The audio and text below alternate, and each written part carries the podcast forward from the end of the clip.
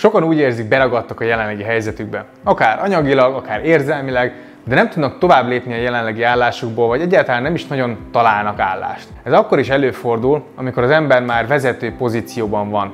Sokan kiégnek, mert nem azzal foglalkoznak, amit igazán szívből szeretnek. Ilyenkor jön a kérdés, hogy na jó, de mit is csinálhatnék helyette?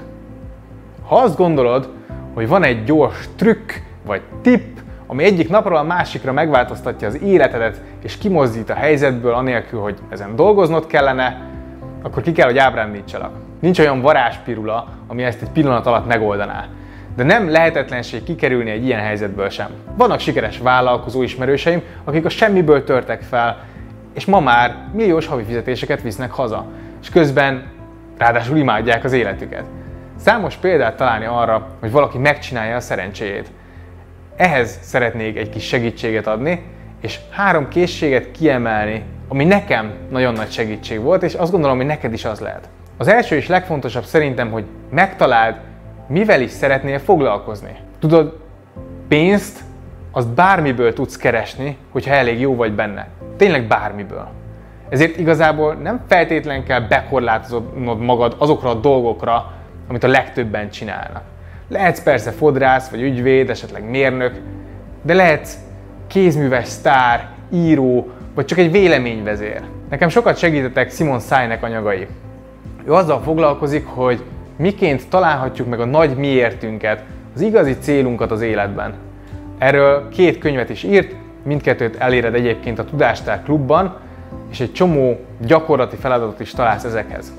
Szintén ott van Pat Flynn Fog repülni című anyaga, ami pedig segít a helyes irányba állítani téged, hogyha vállalkozni szeretnél. Segít megtalálni azt a vállalkozási ötletet, amiben ki tudsz teljesedni. Szerintem ez az első lépés. Tisztázni, hogy mit is akarsz. Aztán a másik nagyon hasznos készség szerintem, ha az ember tud például egy weboldalt készíteni. Nem egy ismerősöm mondott fel a munkahelyén, hogy elkezdjen weboldalakat csinálni, és kereste meg a korábbi fizetésének akár négy-ötszörösét néhány hónapon belül.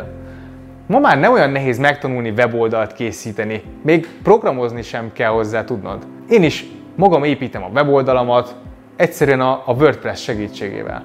Ehhez is találsz egy komplett tananyagot a klubban. Azt megtanulva, néhány tesztprojektet elkészítve, azt gondolom, hogy simán meg tudsz élni ebből.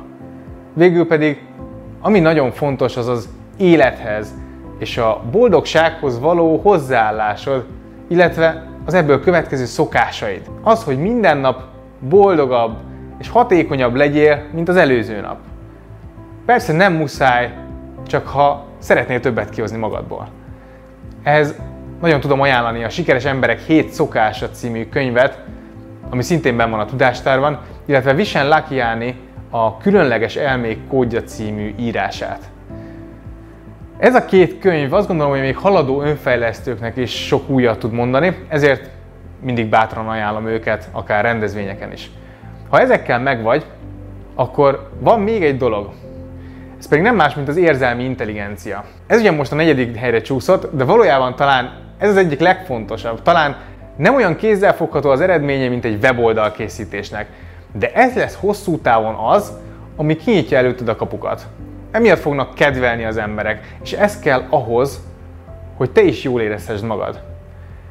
Erről az Érzelmi Intelligencia 2.0 című könyv szól például, ami szintén klubanyag, és abban is számos gyakorlati segítséget kapsz a fejlődéshez. Így akkor végül is a három készséget ígértem ugyan, négyet mondtam, remélem maradhat. Remélem, hogy meg is fogadod, amiket mondtam, és megnézed, hogy miként tudsz fejlődni ezekben, ehhez nagyon sok sikert kívánok, köszönöm szépen, hajrá!